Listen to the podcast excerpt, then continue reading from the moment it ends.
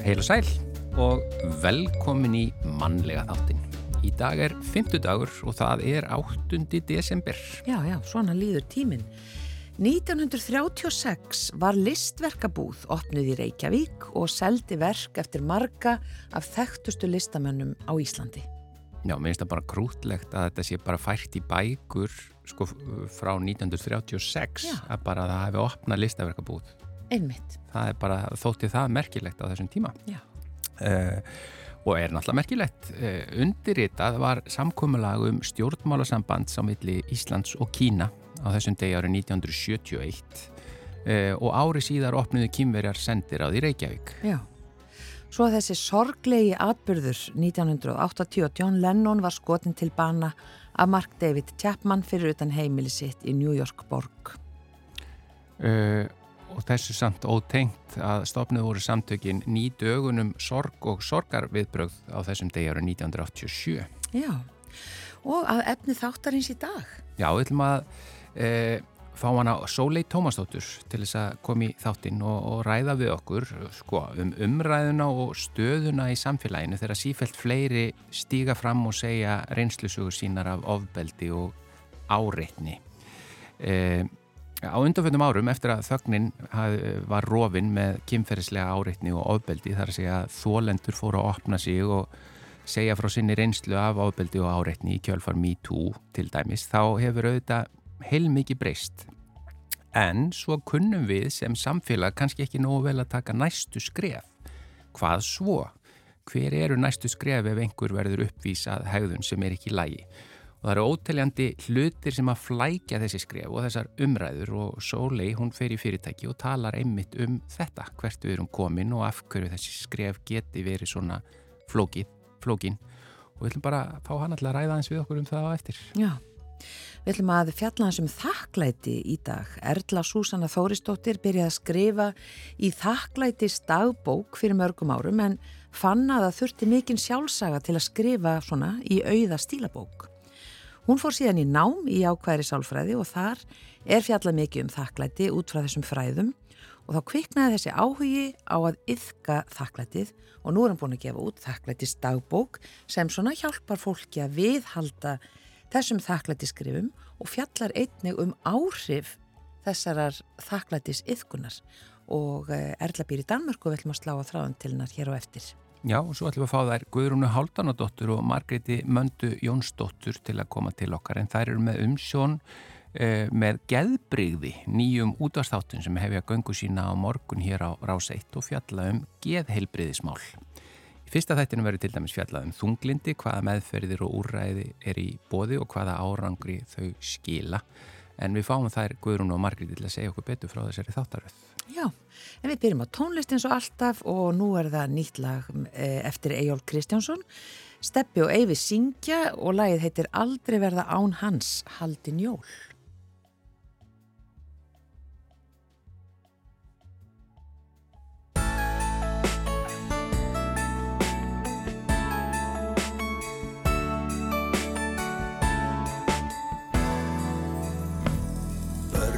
Sofa, allt er hljóð, nálgast heilög jólanótt, í brjóstum hjörtum slá samt ótt og títt. Hljóður læðist yfir grund, skýs svo hinn í húsasund, í stórum boka ber hann dótið nýtt. Heils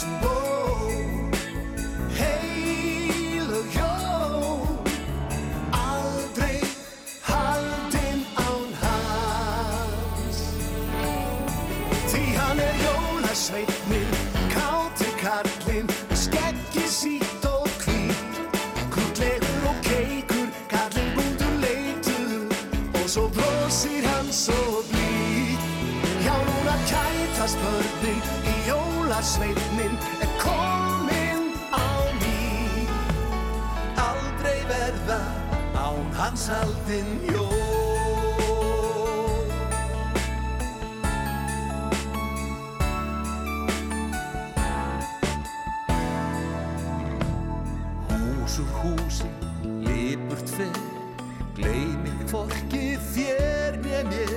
Um allan bæin ómar hlátur hær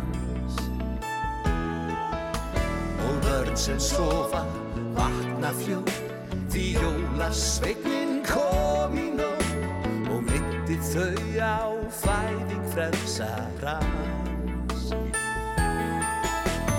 Eins ból heil og jól aldrei haldin án hans.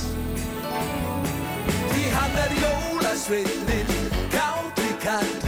með skeggið sítt og hvít Krútlegur og keikur, kallinn búður leitur og svo brosir hann svo hvít. Já, núna krætast börnin, því jólasveitnin er komin á ný. Aldrei verða án hans haldin jól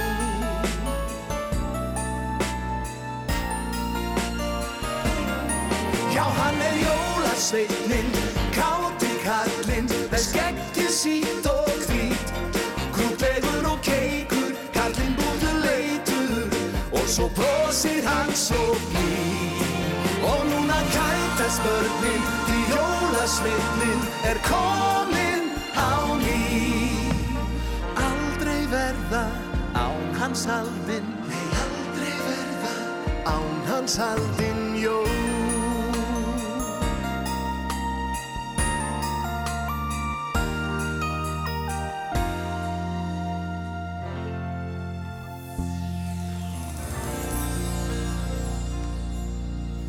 Aldrei verða án hans haldin jól, þetta voru Steppi og Eyvi og lagið og textin eftir Eyva, Eyjól Kristjánsson.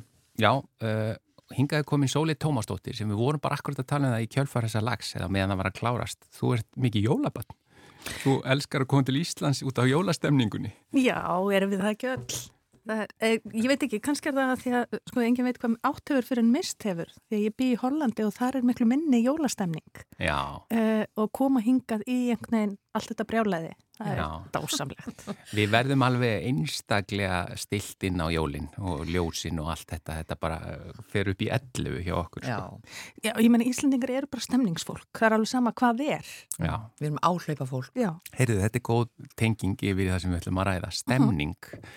Því að við, eins og ég segði frá upphafi, að svona, við ætlum aðeins að ræða við þig. Þú ert náttúrulega að fara, ert sérfræðingur í þessu sem að við erum svo sannlega ekki, við rekum okkur á það aftur og aftur held ég, almennir borgarar.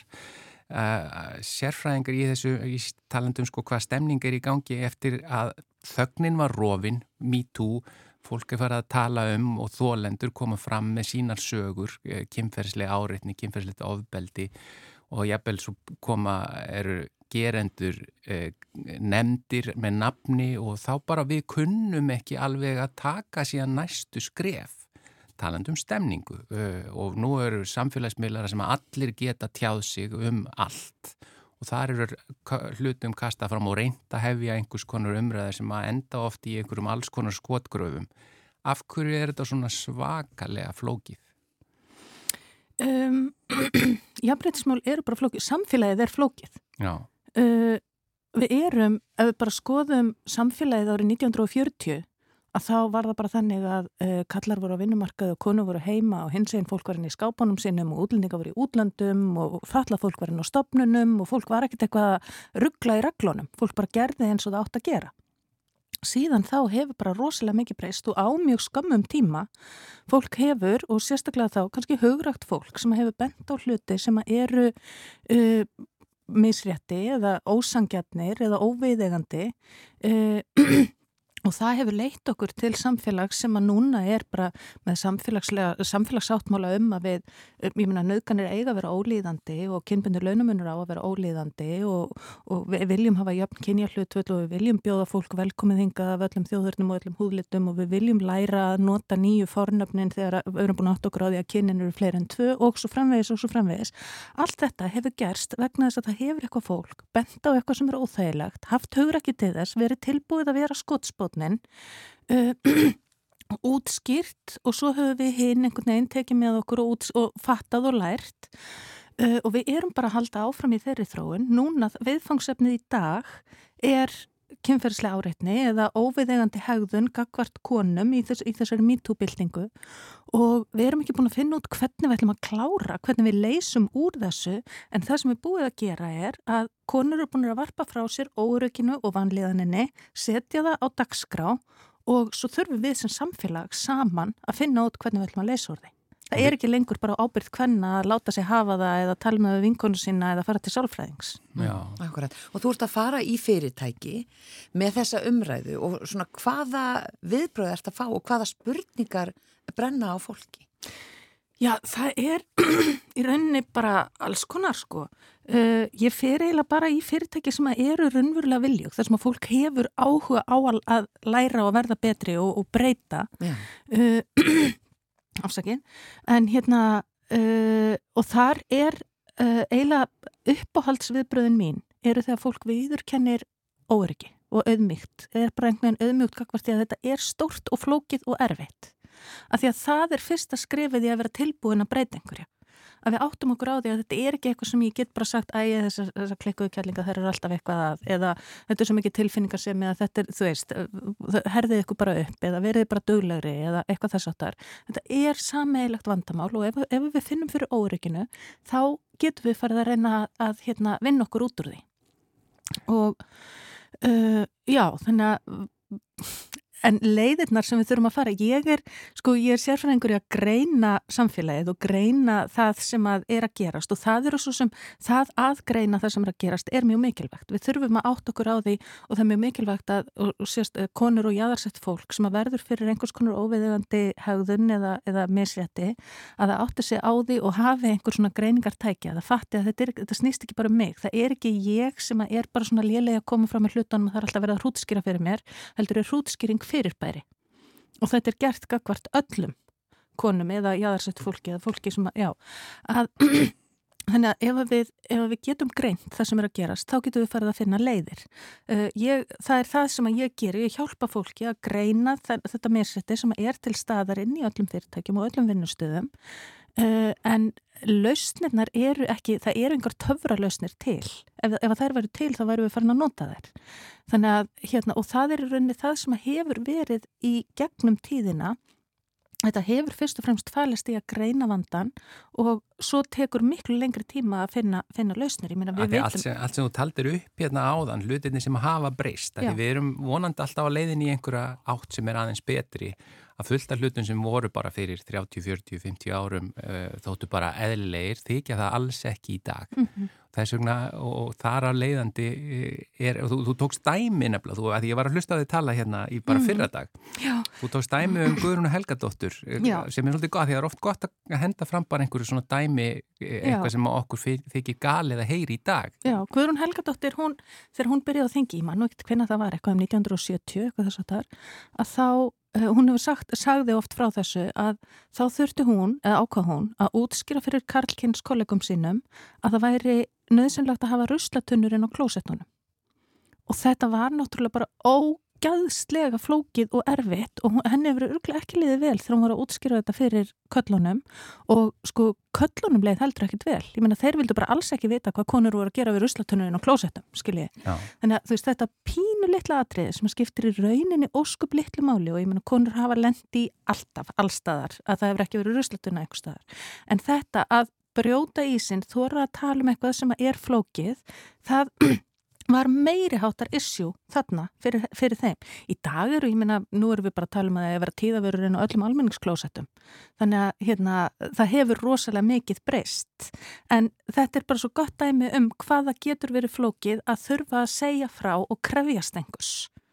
Að því að þetta verður svo, þetta verður svo viðkvæmt einhvern veginn. Og það verðist einhvern veginn vera þannig með jafnbreytismál og fjölbreytilega mál að þegar við byrjum að tala um að einhver hæsir með eitthvað aðeins óveðandi hætti eða gera eitthvað ránt eða nóti vittlust orð eða uh, eitthvað af þessu, eitthvað af þessum svona það sem að kallast óformlegt óformleg mismunun að þá höfum við svo ríka tilhengu til að verja okkur.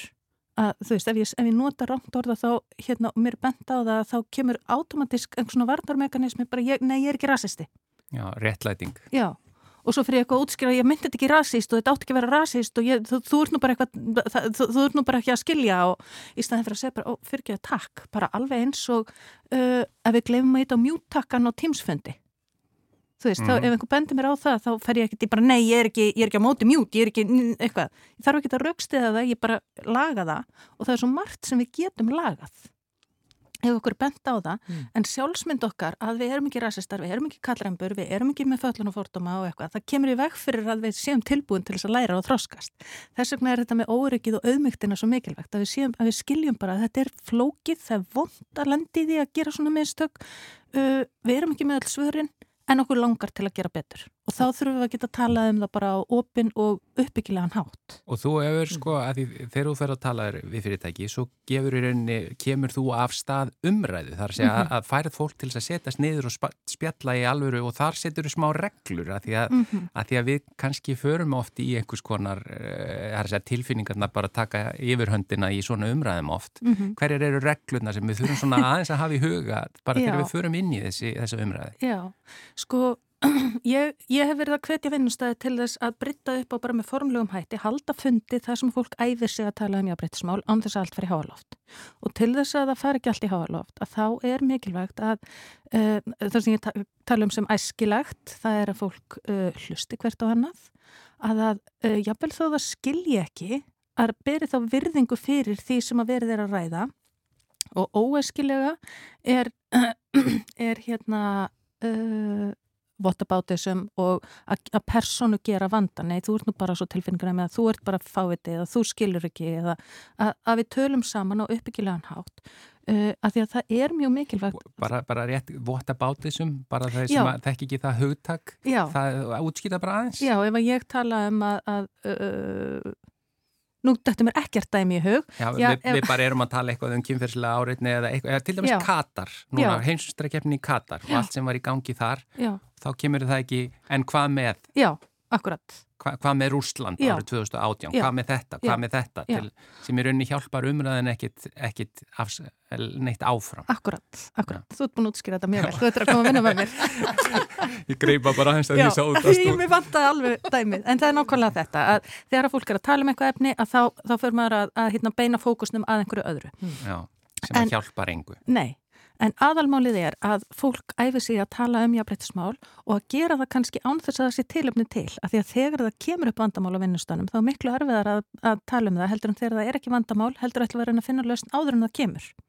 Mm. Uh, og þá er, ef það kemur upp vandamál, þá eru við líka orðin þjálfiði að tala um uh, jafnbrettismál. Það minni líkur á að fólk detti í þessa varnar viðbröð og, og fara einhvern veginn að persónu gera vandan. Heldur, sé þá tilbúið til þess að takast á við það. Mm. Svo er þetta líka auðvitað flókið að þetta, ég held að geta allir verið alveg sammálum, það á ekki beita aðra mannesku ofbeldi, en svo allt í hennu blandast nöfnin í það og, og personlega tengingar og, og, og þá fyrir allt í hennu trúverðuleiki þetta, þetta flækist strax og þetta kemst nálagt manni og nálagt einhverju tengingu, tilfinningatengingu sem maður á við einhverja mannesku. Mm -hmm.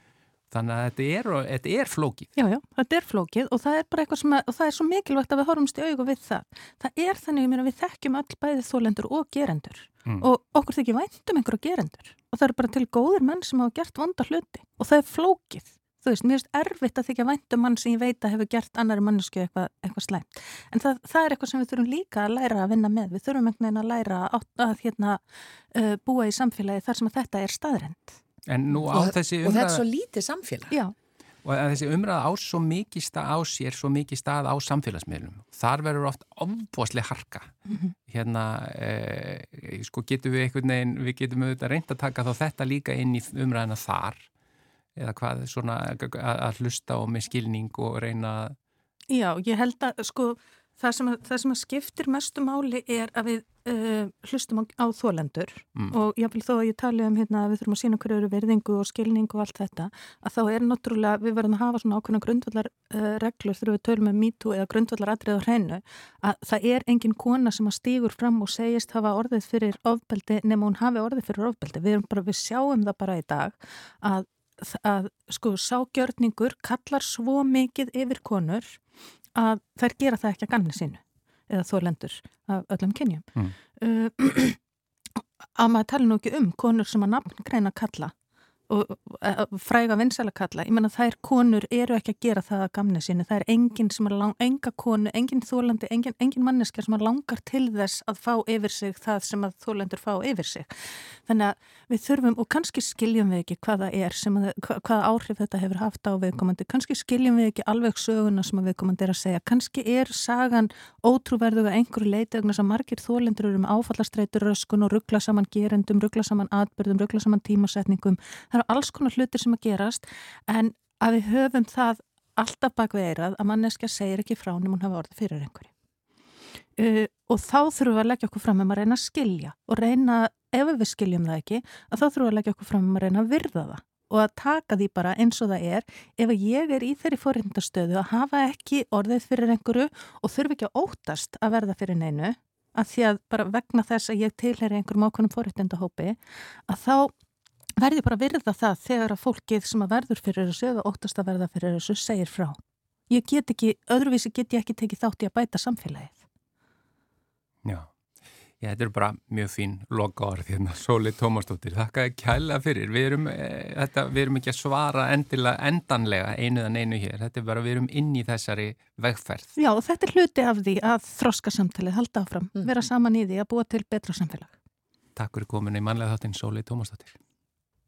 Out in the cold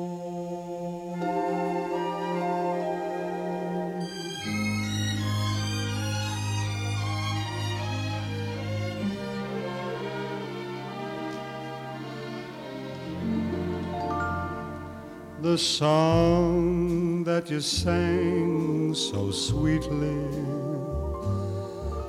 You called it our love refrain. It's gone and I'm left completely out in the cold again. I dreamed that our love would linger, but just memories remain as I gaze at that ringless finger out in the cold. Again. True, it hurts my pride to step aside for somebody new.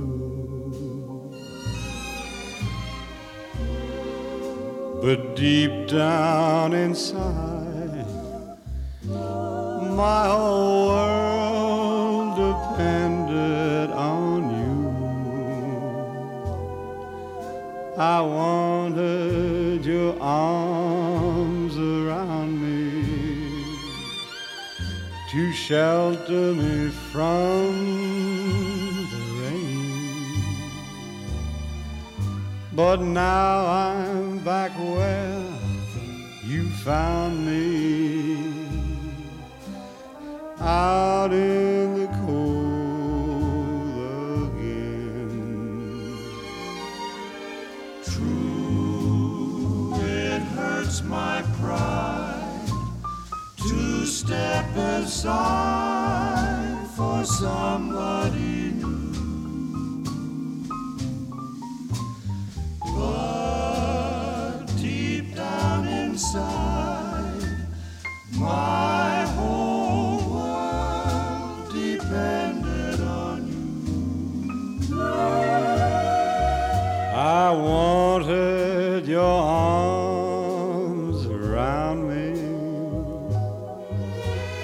shelter me from the rain. But now I'm back where you found me, out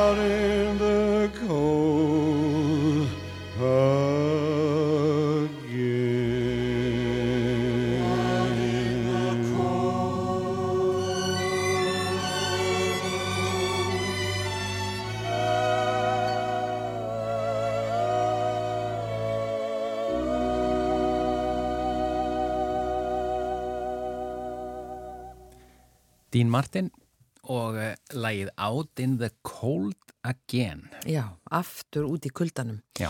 En það eru komnar hérna Guðrún Haldunadóttir, dagskókjarukonna á Rási 1 sem við þekkjum öll og Margrit Manda Jónsdóttir, hjúkurnadeildastjóri á meðferðargeð til geðrófs sjúkdóma.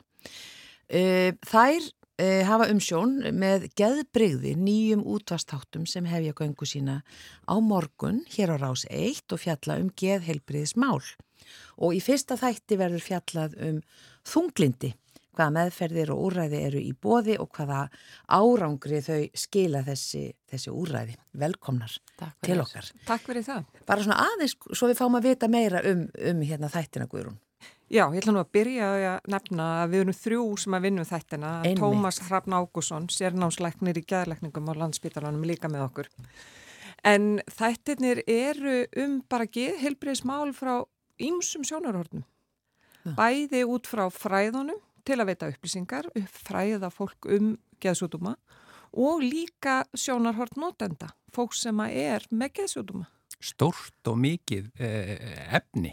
heldur betur og mjög áhugavert og það er ótrúlega gaman að koma að einhverju svona verkefni að vera dasgrákjara maður og náttúrulega þekk ekki fræðin en að kynnast þeim svona vel Já, og reyna að koma hlutunum á framfæri við fólk þannig að, að fólk verði einhverjum nær um geðsutuma.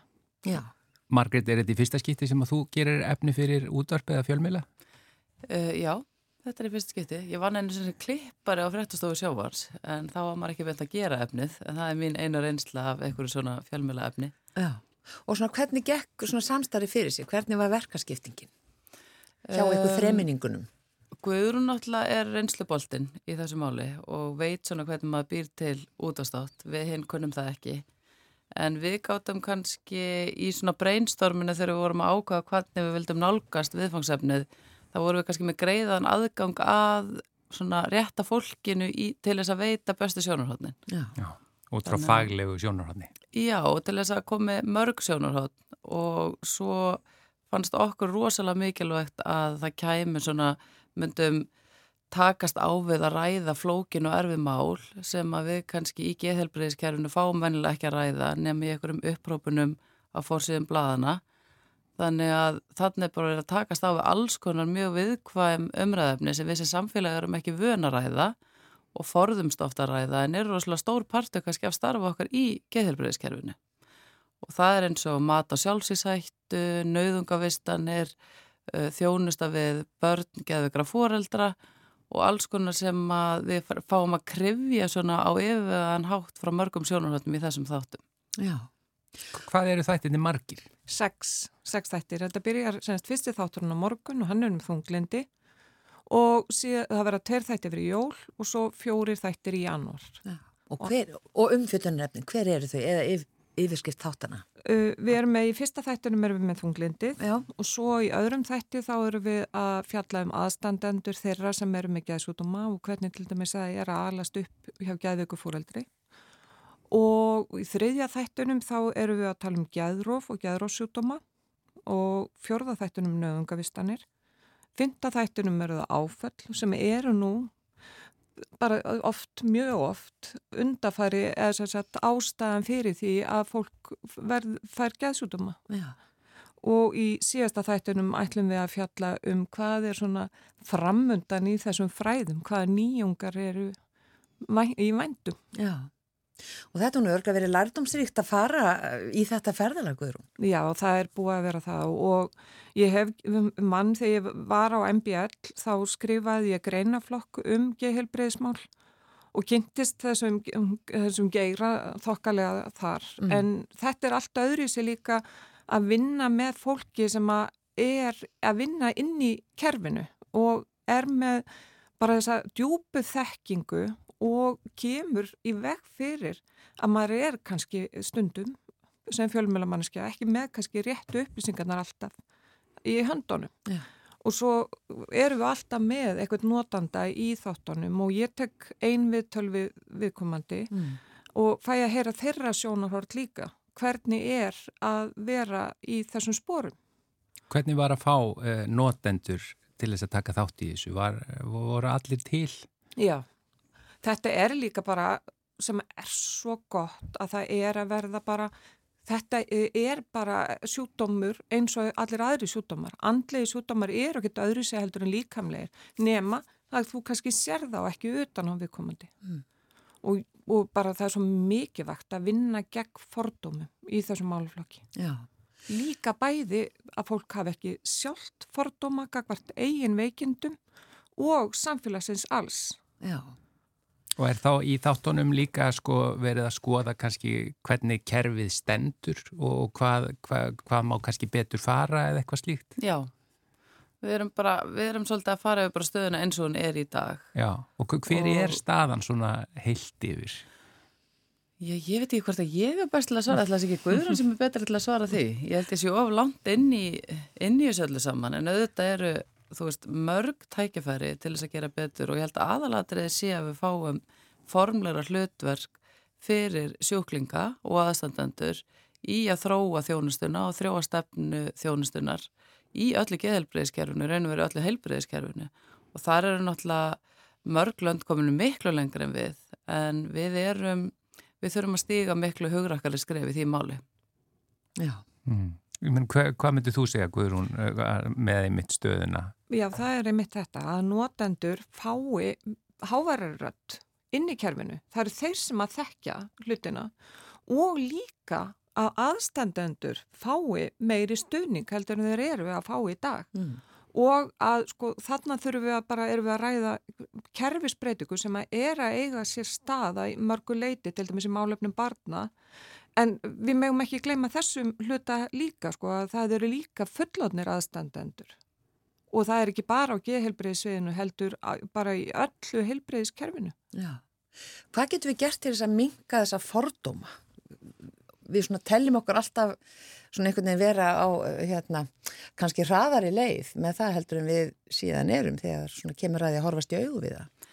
Við þurfum að þjálfa okkur í að eiga þetta samtal og að mörguleit er það bara eins og sko, við vitum hvernig við erum að bregðast við ef einhver handlegsbrotnar, við vitum hvernig við erum að bregðast við ef einhver dettur í jörðina og far hjarta áfall.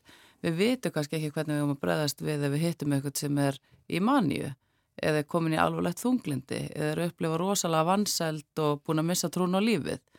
Og maður fer að hugsa sko á ekki bara að kenna einsi skyndi hjálp fyrir geðranveikindi eins og fyrir líkamlega veikindi og á ekki bara að kenna strax af því að þetta eru ungi krakkar sem byrja að finna fyrir þunglindi eða finnst þau ekki passa inn eru kannski ekki komna með réttu merki með hana mm. en bara að börn geti tala saman og foreldrar og við sem svona um, hvað var að segja, fullorðnir aðstandandi sem horfum upp á börn í floknum aðstæðum við vitum oft að það er eitthvað ekki allt í lagi umhverju barna við vitum oft að það er drikkjavandamál eða eitthvað óstabilt eða óörugt fyrir barni þegar næru umhverfi en við veigurum okkur við að eiga opið samtal.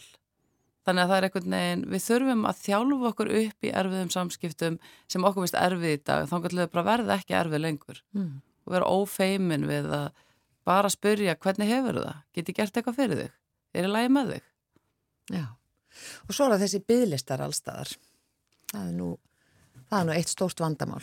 Já, þeir mætti vera stittri en það er svo sem átök á ymsum stöðum og búin að vera svona mikil nýsköpunarverkefni, sérstaklega eins og við fórum yfir í að þunglindus og kvíðateiminu, það sem var sótt um styrk til þess að saksa á bygglistana og svo er verið að gera sami átröskunarteiminu þannig að það er alveg virkilegur vilji og virkilegur svona metnaður til þess að gera betur þar mm. og ég held að það sé enginn sem vilja hafa þetta svona Og sko þessi þættir eru auðvitað, eru auðvitað fræðsla líka, segja, og verið að opna umræðuna. Þannig að ég minna, e, þú sem fagmanneskja er, að því fyrst að Guðrún spyrir með fordóma, er ekki, eru þessi hlutur ekki að mjagast í rétta átt, er ekki að verða miklu minni fordómar í rauninni, er fólk stígur frekar fram og, og, og kannski hérna ofinbera sig, eða þú veist, segir, segir frá í dag en það gerði eða hvað? Jú, mér finnst það bara svolítið pólariserað eins og með rosalega margt í samfélaginu. Já. Það er vissulega hluta samfélaginu okkar sem hefur áhuga á því að við lærum að tala um þetta og við viljum gera betur og við viljum að fólki líða ekki illa á þetta sem er þunglindi en það sé í lagi að vera með gikt og svo framvegis. Já. En það eru samt já, því miður, alveg eins og með bara ef þú horfir á hinsegin mál eða, eða hvaða málumni sem er, að það er ennþá svona polarisering. Já. Já. Þannig að við þurfum að vera kröftugur í þessu og við sjáum náttúrulega mikið tækifæri líka bara eins og kakvart nýju starfsfólki hjá okkur með þessa þætti, fólk sem er að byrja í námi að við vonum bara til því að þetta verði bara podcast sem fólk hlusti á að því að þarna eru notendur að tjá sig sem er stærsta lardomstækifæri fyrir okkur öll. Já. Við þurfum að vera hugrakkari að taka samtalið. Mm -hmm. Já og svo er líka það að, að eins og Engibert Sigursson geðlagnir talar um í fyrsta þættinum þetta mikilvægi þess að, að auka til dæmis sálfræði þjónustu og koma inn í með hugræna atverðlismeðferð meira heldur en er gert, ekki bara alltaf byrja á livjónum, veist, liv eru mjög góð og nöðsynleg en það er oft gott að gera meira ekki bara lif heldur líka sálfræði þjónustu við fólk mm. og það er náttúrulega fyrsti aðgangurinn helsugjæslan þannig að það þarf virkilega auka þar við að Já. bæta sálfræði þjónustu í helsugjæslinni Og fyrsti þátturinn, e, þættin er bara þannig við ítrekkuðum að heita geðbrygði mm. og fyrsti þátturinn er á morgun ekki sett? Jú, strax eftir fréttir klukkan tvö, þannig alls ekki missa af þessum þáttum, ég held að við þurfum öll á því að halda að Já. hérna hlusta á Og við bendum líka á, eh, eins og þú myndist á að þeir fara líka inn í hlaðvarpsveitur. Já. Þannig að það er hægt að finna þá eftir að þeir hafa farið í útendingu hér. Já, það er, svo eru þeir alltaf spilaðir aftur. Þeir eru sem sagt eh, á laugadögum líka klukkan 5 og svo fara þeir inn í spilararúf og hlaðvarpsveitur mm. á sama tíma. Kærar þakkir fyrir komina í manlega þáttin Guðrún Háldunadóttir dagskokera kona og Margret Manda Jónsdóttir hjúkurna deildastjóri á meðferðargeðdelt Geðrófs sjúkdóma. Takk fyrir komuna. Takk.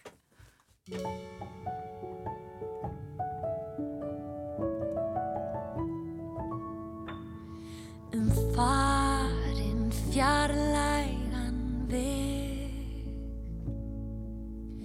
Fylgjumst að þú og ég Hjartans lifna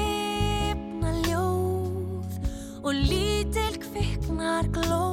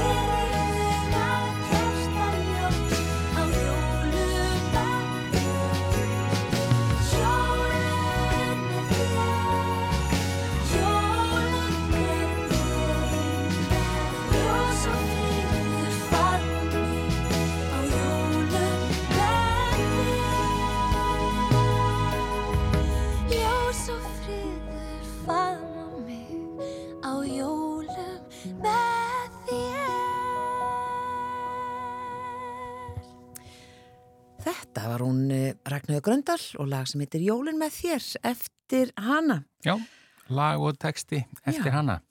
En það er komið að e, þakklætisbók. Já, það er nefnilega, við erum að velta fyrir okkur, eða það er holdt fyrir okkur að velta því fyrir okkur, eiginlega bara á hverjum degi hvað maður er þakklátur fyrir og það skiptir máli, hún Erla Súsanna Þóristóttir, hún byrjaði að skrifa í svona þakklætist dagbók fyrir mörgum árum og uh, svona henni fannst það kannski ekki auðvelt að byrja að skrifa svona í auða stílabók en síðar fór hún í nám í ákvæðri sálfræði og þar var mikið fjallað um þakklæti og nú er hún búin að gefa út þakklætist dagbók svona sem á að hjálpa fólki við þessa yðju og Erla er á línunni, kontur sæl og blessuð Blessuð. og þú ert í Danmörku, býr þar Já, ég býð í.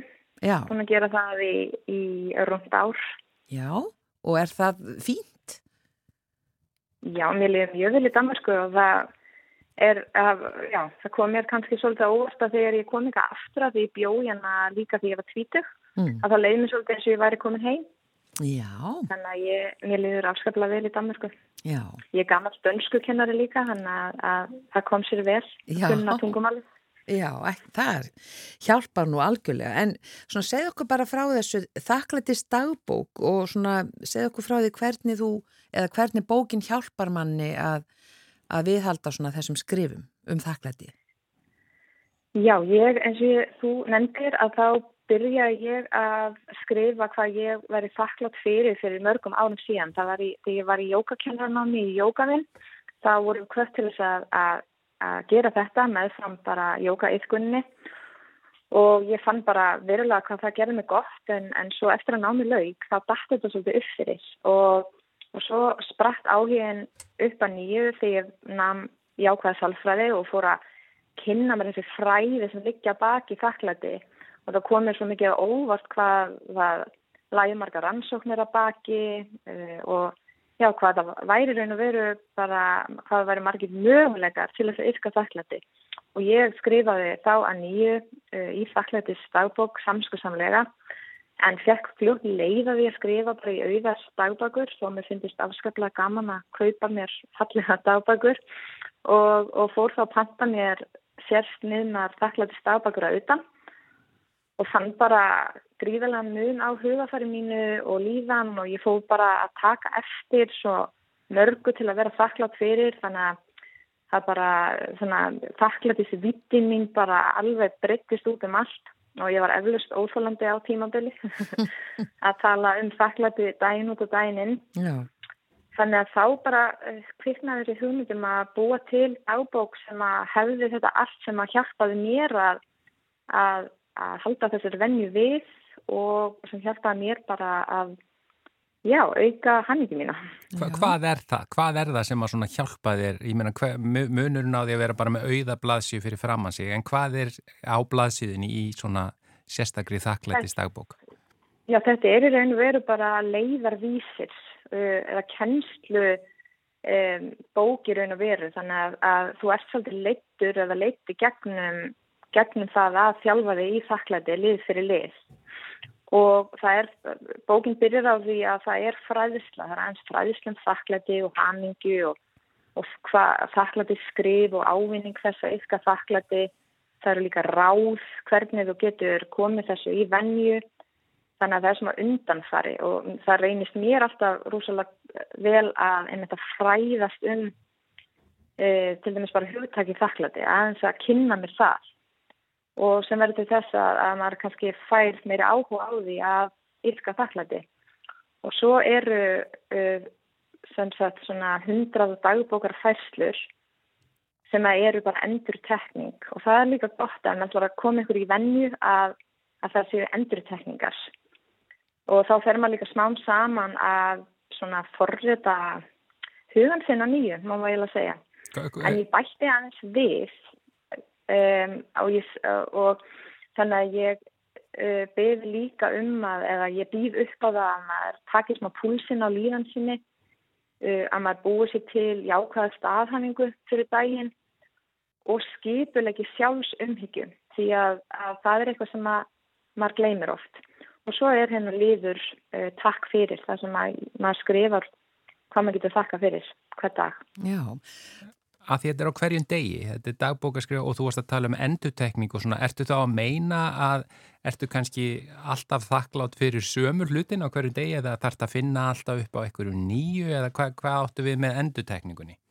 Já, það er góð spurning en það er skemmtilega við það þegar maður fer að gefa þakklætinu gauðin er að eins og ég sagði án, það er einhver þakklæti svít sem að byrja að stækka og stækka og þá fyrir maður að taka eftir nýjum hlutum sem maður tók kannski sem sjálfgefnum hlutum eða, eða eitthvað sem mann finnst bara mjög eðlilegt uh, þá fer maður kannski að þakka fyrir það. Og uppgöta að það er svo margt í lífinu sem við getum þakka fyrir sem að eru bara venjulegi hlutir, þessi litlu hlutir. Og bara það að, að, að, að þið bara eru á þessum stað sem þið eruð á og lítið í kringum ykkur og þá er ótal margt sem þið getur þakka fyrir bara með því að nefna það sem er í kringum ykkur. Og ekki síst fyrir bara kost annað að þið eigi kost annað að.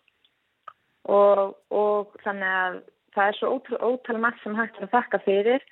Ég er enda með líka síðu í bókinni þar sem maður skrifar niður bara allt mögulegt sem maður getur þakka fyrir og þá er þetta hægt að leita á þessa síðu til þess að fá hugmyndir. Mm. En þetta álíka kannski bara svolítið að koma frá hjartanum og þegar ég skrifa, þá skrifa í flæði og ég segi takk fyrir skrifa takk fyrir og svo kemur bara skrifa ég bara í raun og veru allt sem kemur upp í huga minn og stundum er þetta mjög tilvíðan að kent og, og bara svolítið svona úr eini annað en, en, en hérna allt uh, hefur eitthvað þýðingu samt sem aður. Skrifar þetta á morgnana eða á kvöldin? Ég hef nefnilega gert bæði. Núna er ég svolítið að skrifa mótnana. En það hefur bara, ég er með ákveðna morgunrútínu og þetta er parstur af henni og, og hérna þegar drengurinn minn sem er fjagra að borðar hérna hafragrutinn þá setjum ég ofni með hannum og ég skrifa og ég segi þetta upphátt. Mm. Og hann er byrjað að, að gera þetta með mér og og hérna og fylur upp eitthvað takk fyrir ömmu, takk fyrir afa, takk fyrir pulsu, kemur svona dans eitt dans orð og þannig að þetta er líka svo frábært tækifæri til þess að kenna börnunum okkar hérna að yfka þakklæti. Og það er svolítið, það er reygin munur þar á ef við gerum þetta mótni þá ertu svolítið að setja tónin fyrir daginn. Ef við gerum þetta kvöldi þá ertu svolítið að ígrunda ígrunda daginn þinn og ferð e, svo hérna inn í drauma heiminn með, með jákvæðni í huga. Já, þannig að þetta hefur allt sína kosti. En svona hver er ávinningurinn? Ávinningurinn er marg þættur en samkvæmlega rannsóknum þá, þá hefur til dæmis þakklæti svona sterkustu tingstin við andlega hilsu og hamingu af öllum þeim persónuenginum sem til eru. Uh, það má nefna að uh, það eitthvað þakklæti getur minka streitu, það getur aukið orku og það var mitt einn rannsókn sem að fræðinaður sem heitir Robert E. Emmons gerði, uh, gerði ásum að þakklæti skrifum þar sem fólk skrifaði nokkur sem í viku að það síndi 25% aukningu í hamingu. Ásam því að, að fólk uppliði það að það svaf betur, það hafði meiri orku og kvartningu til þess að seifa sig og fleira í þeim dúr. Já, og bókin er komin út og hún bara fæst í bókabúð, er það ekki? Jú, hún fæst í, í bókabúðum og líka á töfrakistan.is heimasíðinu minni, ég er með svona sérstaklega kynningartilbóð á bókinni Mm. og ég er líka með hana í nokkrum jókastöðum. Já, gott að vita, það Já. er töfrakistan.is En kæra þakkir fyrir spjalli Erla Súsanna Þóristóttir og við bara sendum bestu kveðu til Danmerkur. Takk sem leiðis Bless. fyrir að hafa mig. Ok,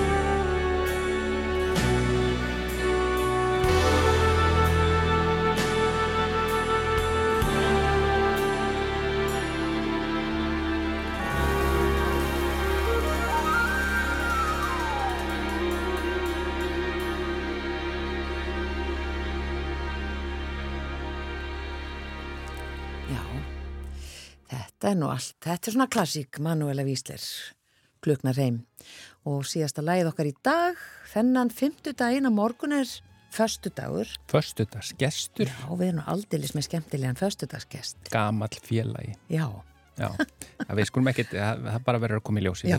höldum fólki spentu. Já, við þökkum bara innilega fyrir samfélgin í dag. Verðið sæl.